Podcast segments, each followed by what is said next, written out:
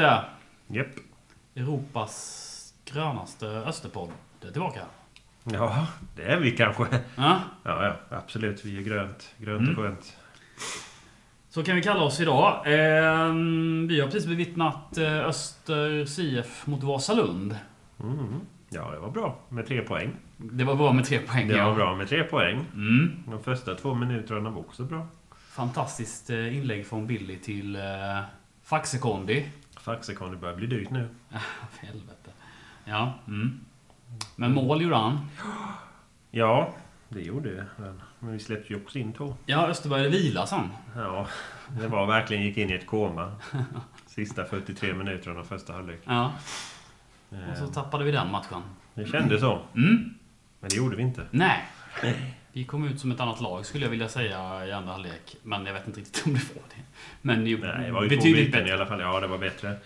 Men sen var det ju inte perfekt heller. Det kan vi inte säga. Nej, knappast. Men eh, det kändes lite mer stabilt i andra. Men eh, Ja. det var mycket slav.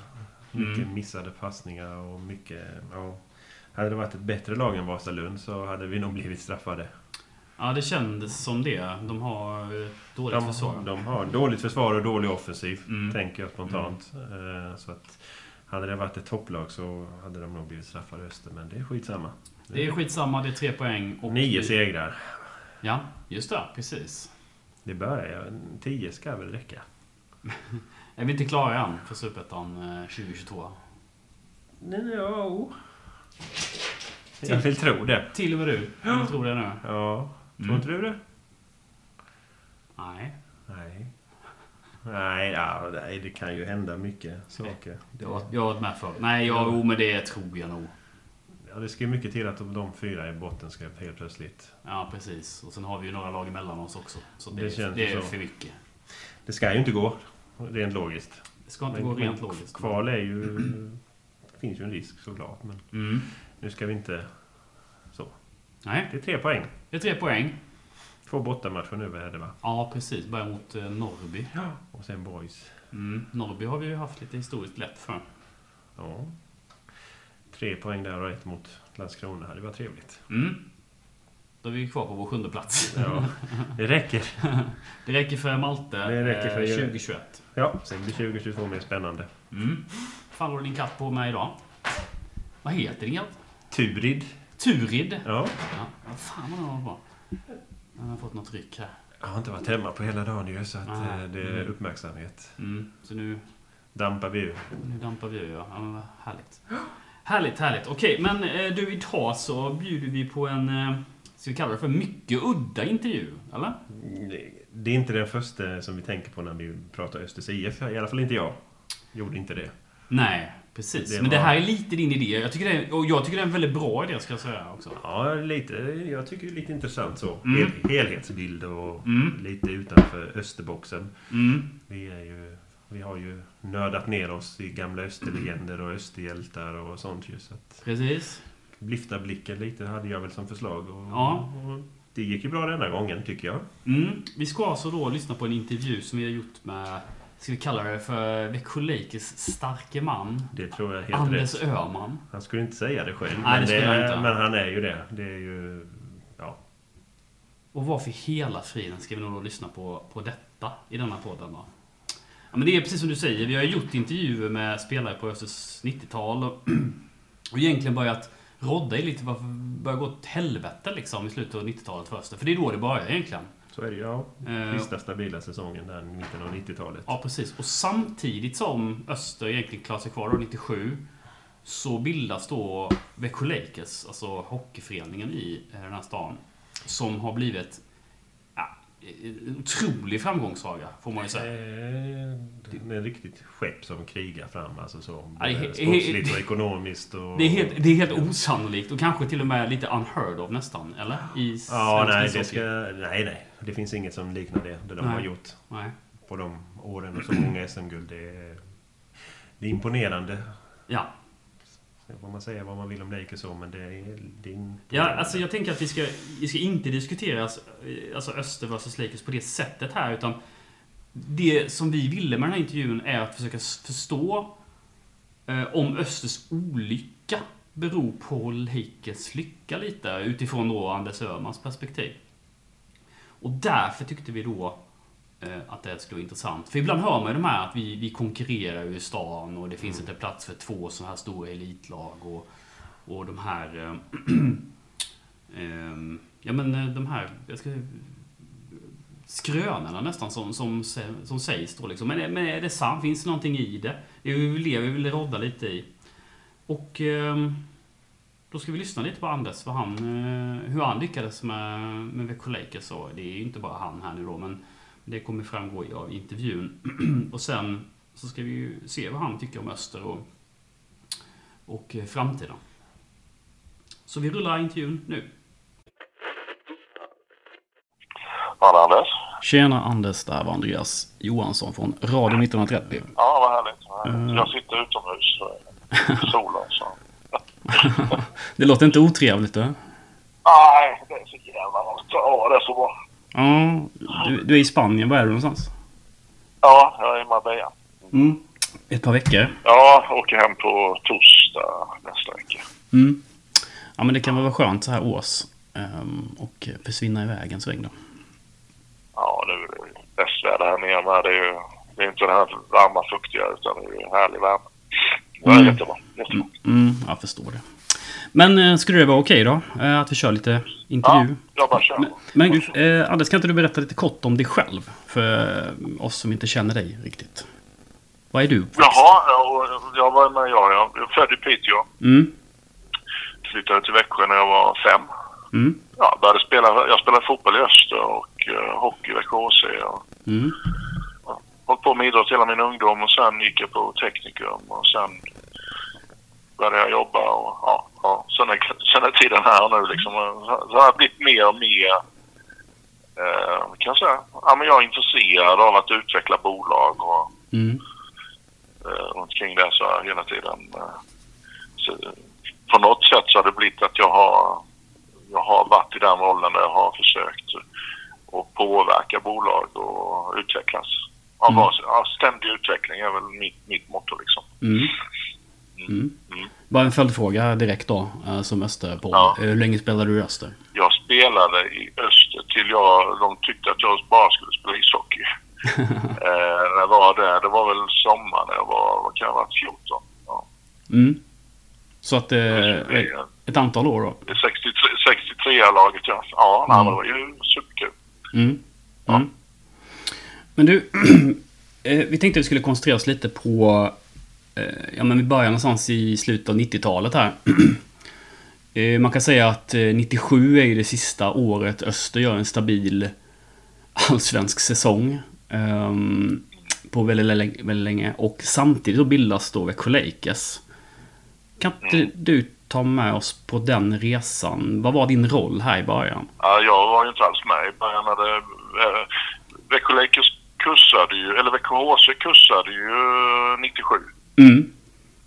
Uh, och jag var inte med i den omstarten överhuvudtaget. Jag kom, med, jag kom in 98. Mm.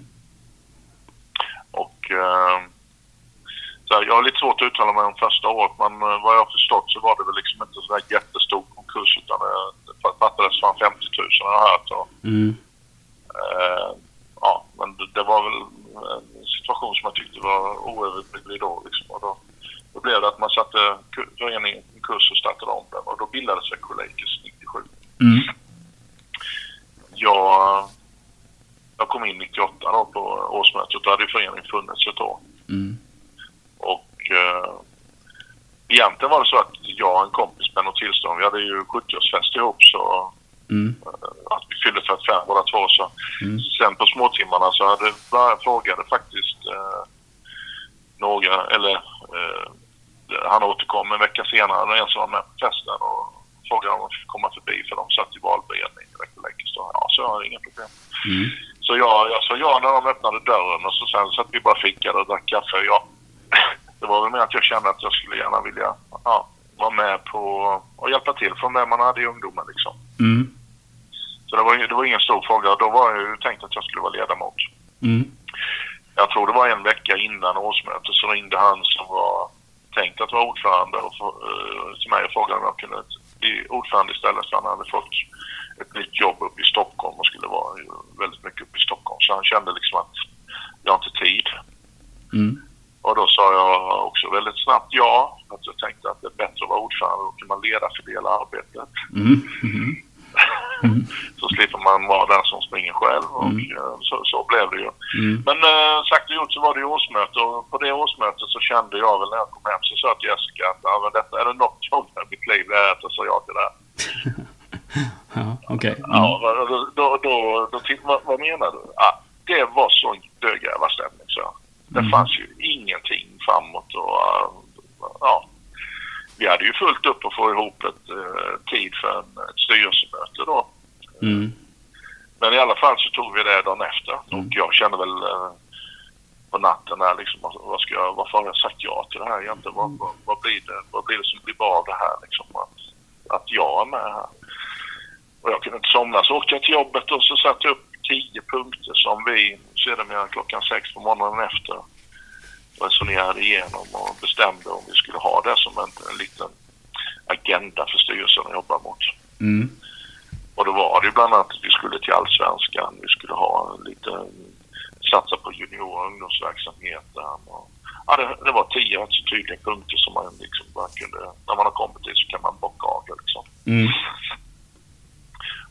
Och tänkte väl så här i styrelsen att eh, ja, det blev väl business as usual. Och eh, när de fick det här pappret på bordet då klockan sex på morgonen så, så var det ju många långa hakar där som Ja, just det. undrade vad är detta för någonting liksom. Vad fan Mm. jag?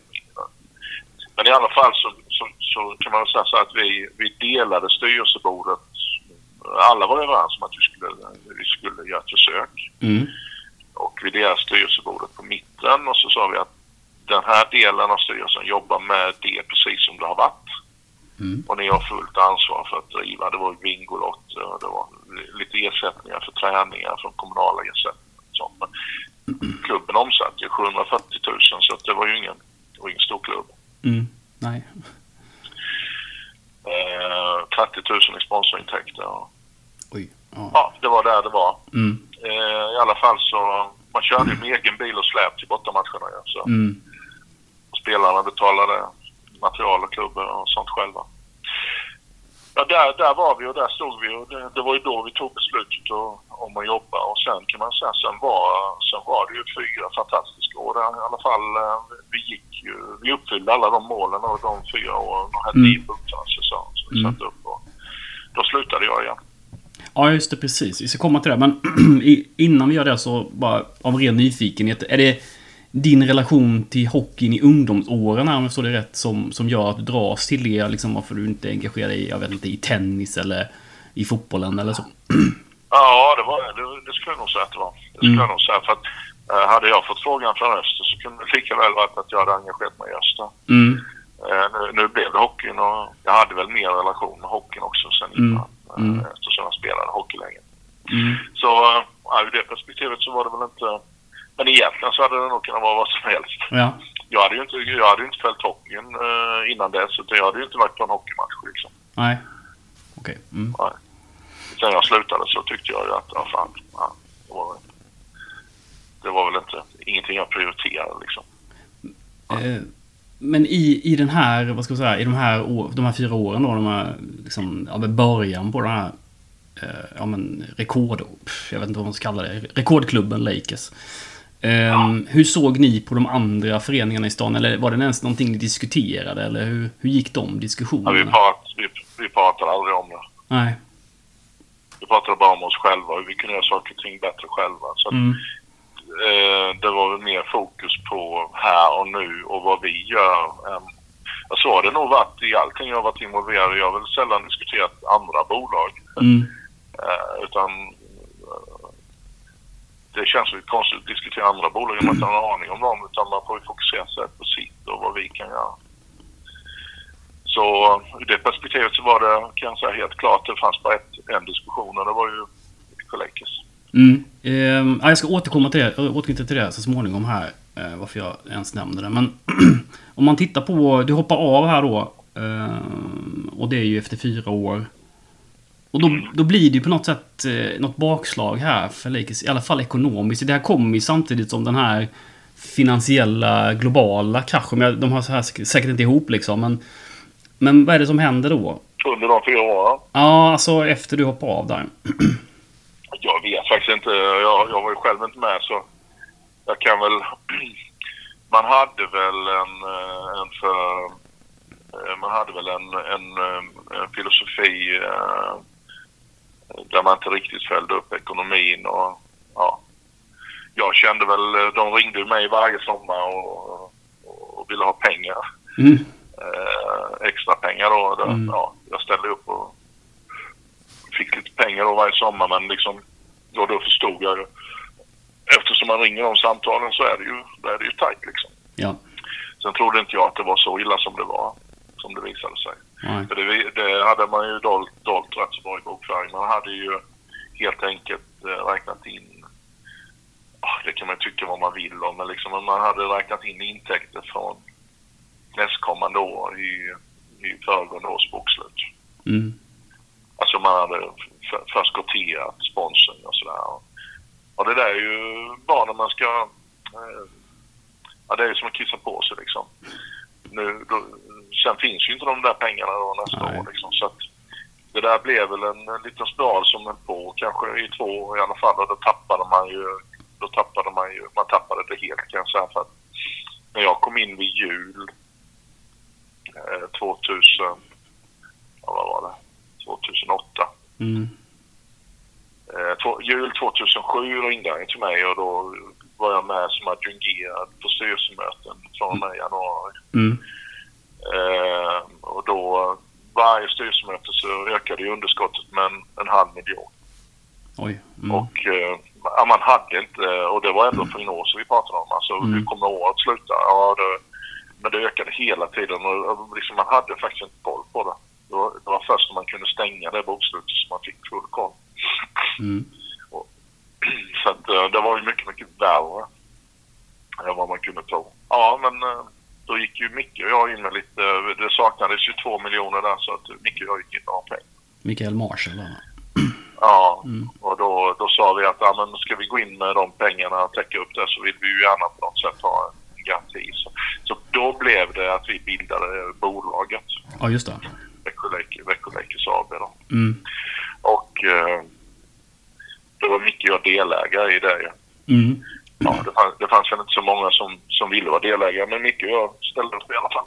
Mm. Va- varför kände du att du liksom skulle engagera dig igen här nu då? Nej, men det var väl mer att jag kände att eh, så otroligt med tid som jag har lagt de fyra åren där. Mm, mm. Fram till liksom, nej, varför ska detta gå i stöpet liksom? Mm. Det finns ju något bra, det finns något bra i det och liksom.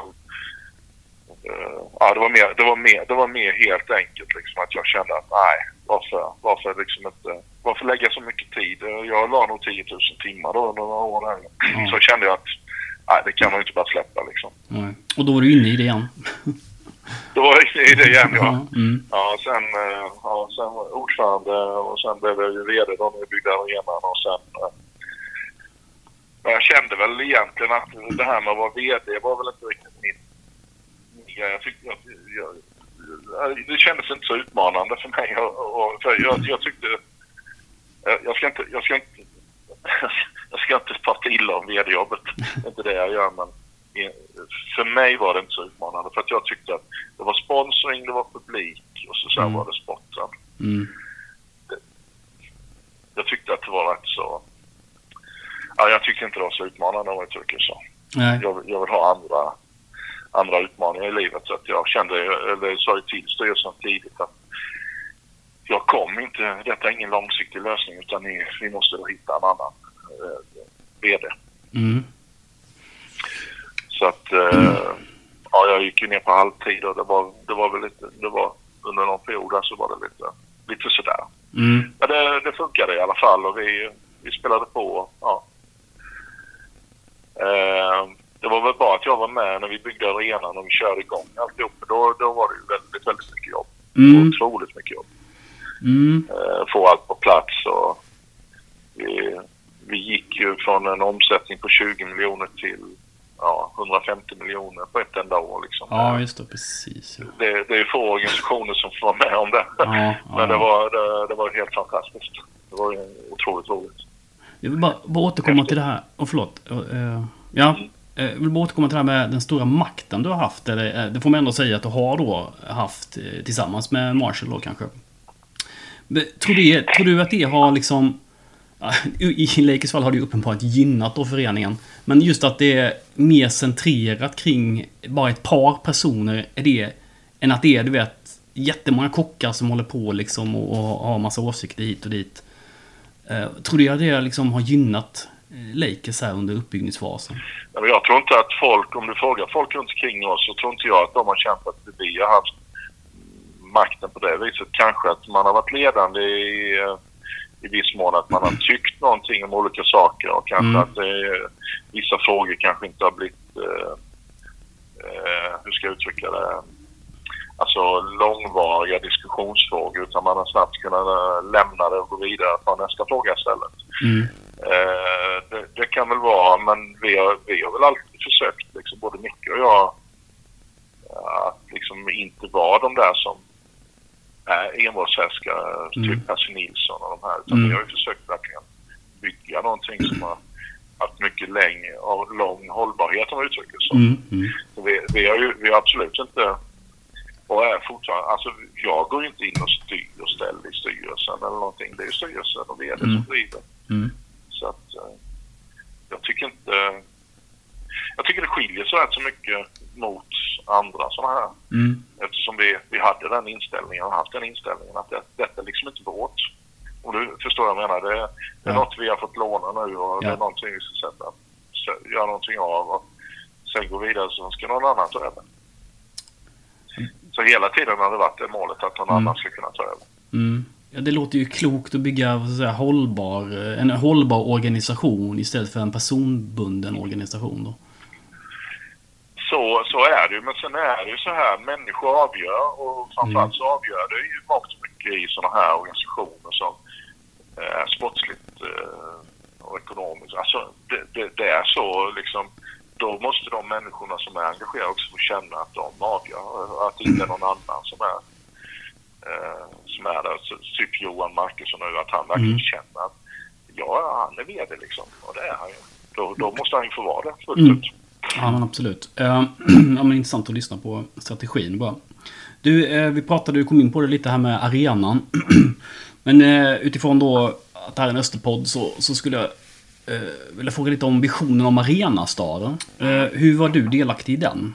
inte sådär vansinnigt mycket, men det var ju Claes Löfgren som var ordförande i Öster på den tiden. Var Mm. ju, han var ju drivande från Östers sida och jag var ju drivande från vår sida. Mm.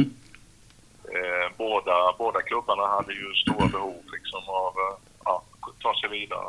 Mm. Och vi var väl de som hade störst behov egentligen. Vi hade ju knappt, vi hade ju gamla ishallen och det var vad vi hade. Vi behövde ju, vi, vi bussade ju ungdomslag till, till klubbar runt omkring Växjö liksom för att få träningstider och det var, det var ju liksom inte hållbart över tid utan vi, vi var tvungna att hitta en lösning av det. Så Mm. där var väl vi kanske lite mer drivande. Men jag skulle inte vilja säga att jag har varit, varit så stor del i arenastadens ut, ut, utveckling. Utan den, den, den frågan har ju mer kommunen hållit, tycker jag. Mm. Det finansiella upplägget Mm. kan jag säga att där, där hittade vi ju en väg som jag tyckte var bra. Mm. Både för Fortnox och Öster och Mm. oss och Mm. för idrotten. Och den kanske jag var lite mer drivande på. Men, eh, och klart, det är en del av utvecklingen. Men eh, övergripande planering av arenastaden var kommunen. Mm. Vad tycker du om visionen arenastaden? Ja, ja, men den är ju bra. Men det är ju bara det att eh, varje klubb är ju så... Alltså man är ju i sin vardag så mycket. Mm. Så att man har ju jättesvårt att lyfta blicken och tänka. Idag tycker jag ju att man har kommit någonstans med High Performance Center. Mm. Det är någonting som alla klubbar kan nyttja. Mm. Och det är bra liksom. Och där kan man ju få kunskapsöverföring. Mm. Sen, eh, sen tycker jag att man är rätt så... Är i sin låda till stor del tycker jag. Mm. Ja. Men hur skulle man kunna bygga broar där då, tycker du? Ja, och det, jag vet inte exakt hur det fungerar idag men det är väl egentligen... eh, det är väl bara träffar och möten och liksom det som jag tror att eh, är framgång, framgången. Att, att man bygger broar över klubbar och, och då är det ju att man, människor skapar förtroende för varandra Mm. eh, genom möten. Och att man vill också vara öppen för det. I, i, vad ska jag säga, när Lakers växer fram så här då, så återknyter till det vi pratade om innan. Eh, så kan man ju säga att eh, många supportrar från Östers håll, inte, absolut inte alla. Men, men det var liksom lite gnabb liksom eh, kring, alltså man såg liksom inte det som, eh, eh, vad ska man kalla det för? Ja men man hade sitt hockeylag sedan tidigare och sen så, så var det här liksom det nya poplaget som kom och förstörde för Öster typ. Eh, märkte du av någonting av de diskussionerna under den tiden? Nej, ingenting som jag skulle säga att jag tänkte på. Det fanns, fanns väl någon underliggande underliggande bitterhet eller vad man ska säga, men ingenting som jag egentligen gick runt och tänkte på. Men det, det var som jag sa tidigare, vi hade ju fullt upp med vårt. Mm, mm, Och det tror jag, jag ska inte säga att Öster blev frånkörda, men nej, det, det blev ju en väldigt liten spelare för Växjö Lakers del rätt så snabbt. ja, Och då blir det ju inte någonting som diskuteras. Förstår du? Utan ja, det blir mer lite så här, eh, är man stor så ska man vara snäll lite. Sån den Mm. diskussionen hade vi. mm, Eh, Och hur kan vi vara det liksom? Mm. Eh, Men jag skulle säga att det var, det var, ingen, det var ingen, ingen fråga som jag upplevde som, som ett problem eller tänkte på eller sådär. Nej, för man vet ju inte, du vet när man är i sin lilla egen bubbla och sen så pratas det. Och sen så vet man inte hur den andra sidan pratar eller inte pratar då i det här fallet. Vi var nog rätt så fokuserade på oss själva. Mm, Så det, bli, det blir så här i en framgångsrik organisation att man, man är aldrig nöjd. ja, Vi var, vi, hade, vi var ju aldrig nöjda. Och det, det, kan, det, blir ju lite så här, framgångsrika organisationer så blir det ju väldigt självkritiskt allting. Man är mm, aldrig riktigt nöjd. Vi kan göra det här lite bättre, vi kan göra, förändra, vi kan göra detta bättre, vi kan göra det bättre. mm, Och då har du ju ingenting att, alltså då, du har ju ingen energi att tänka på, på någon annan då, utan du är ju fullt upptagen, du är jävligt självisk i det Mm, eh, scenariot. Eh, för att man är så självkritisk. mm, Så att eh, jag, jag tror det största och fortfarande är det största det att Lakers är en väldigt självkritisk organisation. mm, Och jag, jag tror, eh, oavsett om du vem du frågar så tror jag, jag tror inte det är någon som går runt och svassar och tycker att man, livet är topp och vi är världsmästare och man är eh, feta katter liksom. Jag tror, det, det, det är det absolut. Hamnar vi där så då, då har vi en uppförsbacke. mm, Men det är inte min bild, det är inte min bild idag alls. Väldigt tunga organisationer. Och då blir det inte att man diskuterar så mycket. Man diskuterar egna möjligheter. Ja, mm, mm. det är det som diskuteras. Ja, men precis. Eh, du, ehm, om du kollar på Öster som organisation idag. Det är klart att du inte ska ha en massa åsikter här för du kanske inte känner till så mycket. Men vad tror du Öster behöver som förening liksom? Om man tittar på hur Lakers har byggt upp sin organisation. Nu är jag ute på riktigt hal is så att jag, jag, jag, jag, är inte så, jag är inte tillräckligt insatt. Men eh, eh, någonting som jag tror på är långsiktighet. Att Mm, eh, gräset är inte gröna på andra sidan. Utan jag, jag tror så här, har man väl fastnat för en organisation så gäller det ju att driva på utvecklingen uppifrån och ner i att, att ständigt bli bättre. mm, Jag tycker att det är en, en tillräcklig utmaning och sen blir ju saker och ting, saker och ting kommer på automatik. Framgången kommer. Genom att man, man brukar säga, ju mer jag tränar ju mer, ju mer tur får jag. Men, men så är det faktiskt att mm, Sen tror jag att man ska ha en strategi i hur ska man spela. Hur ska man spela fotboll och sen mm, ska man bygga, den strategin ska man inte bara släppa utan man ska, man ska hålla sig till den och sen ska man bygga vidare, bygga vidare, bygga vidare. Så när man tar in nya spelare så ska man ha väldigt klart för sig varför de ska in. mm, Varför vi tror på just den här spelaren. Och, ja, jag, jag tror det, det är kanske lite den långsiktigheten som jag utifrån sidan kan tycka inte har varit så. Utan man har varit lite sportchefer har vandrat, kommit och gått och Mm. man har haft lite olika roller. Och, eh, och i och med det så blir det väldigt, det blir ett gungfly. Mhm, ja. En person tycker något och en annan person tycker något annat. Och Mm. det är svårt att hålla den här raka linjen Mm. som, som Lakers har gjort under väldigt många år nu. Vi har ju inte haft så många tränare i Lakers. Ja men hur har ni lyckats med det undrar man ju nästan. För det är ju helt otroligt egentligen. Eh, Med tanke på alla andra klubbar i Sverige i princip. eh, Så hur har ni lyckats med det? Ja, jag tror att det handlar väldigt mycket om förtroende. Att de känner att de, att de har förtroende. Eh, och att eh, det här med ständig utveckling och att vi inte, man är inte nöjd utan vi kan göra saker och ting lite bättre. Och, det tror jag triggar alla. Eh, från, från styrelse till administration och försäljning och själva, spel, alltså själva laget och utvecklingen av laget och den produkten. Liksom. Mm. Jag, tror, jag tror att den är, den är viktig. Mm. Och sen om man misslyckas något då att man också tillåts att misslyckas. Liksom. Mm. Men bara den, lång, den långa liksom, den långsiktiga målet riktigt kvar. Man har ju haft en fantastisk förmåga sportsligt att Mm. även om det går dåligt så har man ju kunnat liksom vända den trenden till att bli okej liksom. Ja. Även om man börjar dåligt så har man kunnat vända den trenden till att bli okej. Och det, det, det, det tycker jag visar på en väldig kompetens. Ja, onekligen. Det, det är liksom inte fritt fall bara för att man har det jobbigt ett tag i början på säsongen. Utan då hittar man en spelare som gör att man dyrkar upp det här låset och laget blir bättre och ja, man börjar Mm. vinna matcher. Ja, det, det är en uh, jävla talang. Ja, det är bra jobbat och i alla fall att behålla era eh, sportsliga ledare så länge som ni har gjort. Det kan man ju inte annat eh, säga om. Eh, du, en sak jag tänkte på. Någonting man hörde i början när Lakers också kom fram och kanske man hör lite ibland fortfarande som supporter till båda klubbarna är att vi, vi har inte plats för flera elitklubbar i, i Växjö som stad. Den är för liten, det finns för få sponsorer. Vad skulle du säga om, om ett sånt uttalande? Jag vet faktiskt inte om det finns det eller inte, men när jag har pratat med ledande personer först så säger de ju att ja, men för oss är inte eh, det viktigaste för oss eh, intäktsmässigt är att vi kan utveckla spelare och sälja dem. Det är mycket, mycket viktigare Mm, än eh, en miljon i sponsorpengarna. mm, och det, jag kan förstå det och jag tror att det är väl det som kan göra att man kan ha både ett framgångsrikt fotbollslag och ett framgångsrikt hockeylag.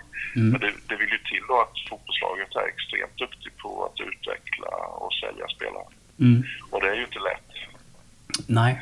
Men där måste, där måste man, eh, om, om Öster ska bli ett topplag i Allsvenskan så måste man, måste man ha en strategi. Och den strategin måste nog vara att man ska sälja spelare och utveckla och sälja och, för, och ha bra ekonomi för att göra affärer. Liksom. Mm. Mm. Eh, att eh, vad som man är nu är ju, det, det tror jag kommer bli väldigt kortvariga sessioner i Allsvenskan. Ja. Tror att man måste ta ett, eh, ett elefantkliv liksom. Mm. Ja, det är ju Det är en väl... utmaning. Man bara Mm. försökte ju med support och allting sånt där. Men Ja. det var det lite så att pengarna bara rann iväg. Liksom. Ja. Så här, här tror jag att man måste, man måste tänka igenom det. Liksom. Vad, är- vad är det för något som, som är Östers, eh, man brukar säga USP eller Unique Selling Point. Vad, Ja. vad är Östers USP? Ja.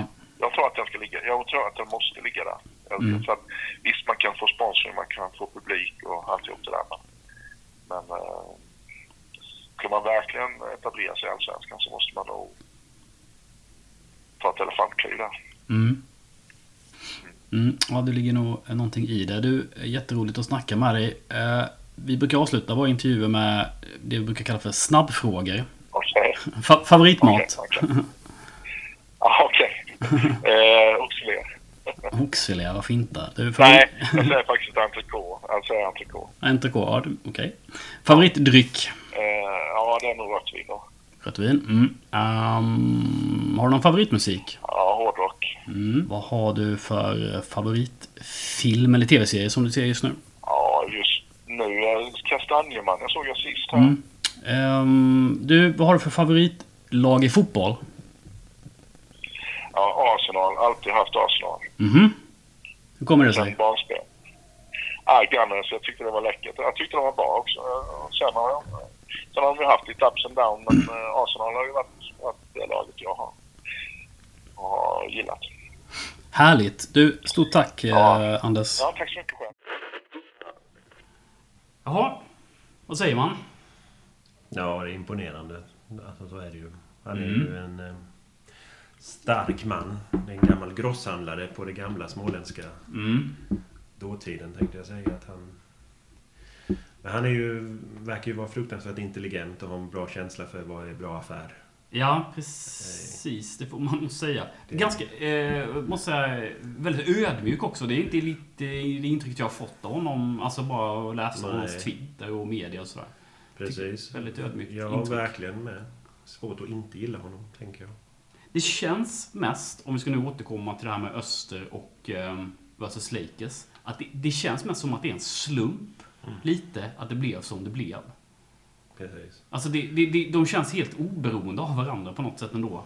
Ja, ja nej, men det är slump och sen är det olika sporter med, som man säger. Mm. Alltså, SHL och Lakers spelar i världens tredje eller fjärde bästa liga. Mm. Svensk fotboll, allsvenskan, är 19-20 Mm. plats i världen. Typ. Mm. Så det han säger här är han ju rätt att Lakers kan ju köpa och värva spelare och ge Mm. dem 300 000 i månaden. Ja. Och Öster måste ju som han säger liksom man vet sin roll i svensk fotboll.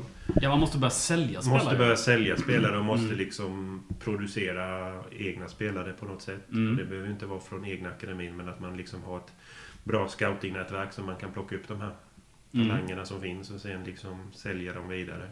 Mm. Eh, Det är skittråkigt att säga men eh, det är svårt att få en dynasti i svensk fotboll. MFF försöker Mm. och har pengar på banken. Mm. Men det visar ändå att det är rätt svårt för dem att liksom bara springa hem allsvenskan år efter år. Nej, det går ju inte för Nej, dem. så är det ju. Så att, medan Lakers som sagt var 300 000 i månaden och det är NHL och KL och sen är det Schweiz, Sverige kanske som... Mm. Så att det är klart att de har ett helt annat utbud och en helt annan roll. Mm. Två olika idrotter minst sagt. Mm. Med olika förutsättningar inom det ekonomiska. Men, Mm. så jag tycker han är klok. Men det var väldigt intressant att lyssna på honom på många sätt, tyckte jag. Kul att han har Eh, spelat i Öster. Det var nästan det roligaste. Ja, ja, det var nästan Den roligt. före detta Österspelaren Anders Öhman. Där har du namnet på dagens poddavsnitt. Ja, precis. Jo, nej, men, eh, ja, men det var intressant att, att, att lyssna på det att eh, det kanske i princip kunde blivit fotbollen för honom också. Sen vet, det säger ju inte att han skulle lyckas i Östers IF på, det, på något sätt ändå. Liksom. Det är imponerande hur man ökade omsättningen där. Ja, men det höll ju också på att gå åt eh, pipsvängen där i mitten på 2000-talet. Ja, precis. Så att det, var inte, det, inte varit, det har inte heller varit en glasklar... Nej. Det svänger fort inom den idrotten också, tänker Ja. jag. Men med hjälp av kapital så, så eh, fick de igång den där maskinen ordentligt. Spännande. Ja, nu rullar de ju själva. Det får man ju inte glömma. Alltså, de omsätter ju liksom... Nu har de ju ett fungerande maskin, tänker jag. Ja, men Så precis. de gör ju något rätt, för det är inte så att... Ja, exakt. Och det, det är egentligen, om vi ska koppla det här nu till Öster, som är viktigt här. Eh, nämligen det han lyfter fram. Jag har alltid fått för mig att han och, och Marshall då har varit liksom huvudfigurerna. Men att, att han, han menar på att det, kärnan var att man, de byggde en organisation liksom, som inte var personbunden. Som blev väldigt stark och därför har man då lyckats eh, och kommer fortsätta lyckas, tror ju Anders Öhman här då. Det tror jag med, ekonomiskt. Ja men, ja, men också en stabil organisation. Ja, den sportsliga med ju. Ja, Sam precis. Hallam har ju varit där sedan 1835, känns det som. Ja, precis. Alltså, det är ju liksom... Som han sa, tålamod. De har inte Mm. sparkat så många tränare och Nej, eh, sportchefer och så ju. Så att det är väl också... Nej, de har byggt en organisation Ja. om hur de vill spela och hur de vill att verksamheten ska fungera. Och det är ju fantastiskt. Så det är ju det man hoppas att Jens och övriga Ja, försöker bygga. För det är ju det, är ju det som är grunden. Att bli ett etablerat allsvenskt lag, om vi nu har det som ett väldigt långsiktigt mål. Så måste man ju ha nästan en allsvensk organisation innan man går upp. Mm. Idag, Ja, krasst. Precis. Det är jättesvårt att bara gå upp och säga ja nu är vi en allsvensk organisation, nu ska vi liksom trolla över det på november till april. Ja, precis. Så att eh, det, tålamod det är ju inte vi kända för att ha. Nej. Varken supportrar eller vi i podden. Alltså så det är liksom kaos. Så. Men, eh, ta, en, ta en öl och lugna ner oss. Mm, vi ska kanske göra det då och eh, hoppas att Jens Magnusson då som är den övergripande chefen för SSIF just nu eh, lyckas sätta sin organisation som han vill ha det och tillsammans med Vito att bygga något långsiktigt. Det är ju det vi, vi får hoppas på. Mm. Så är det.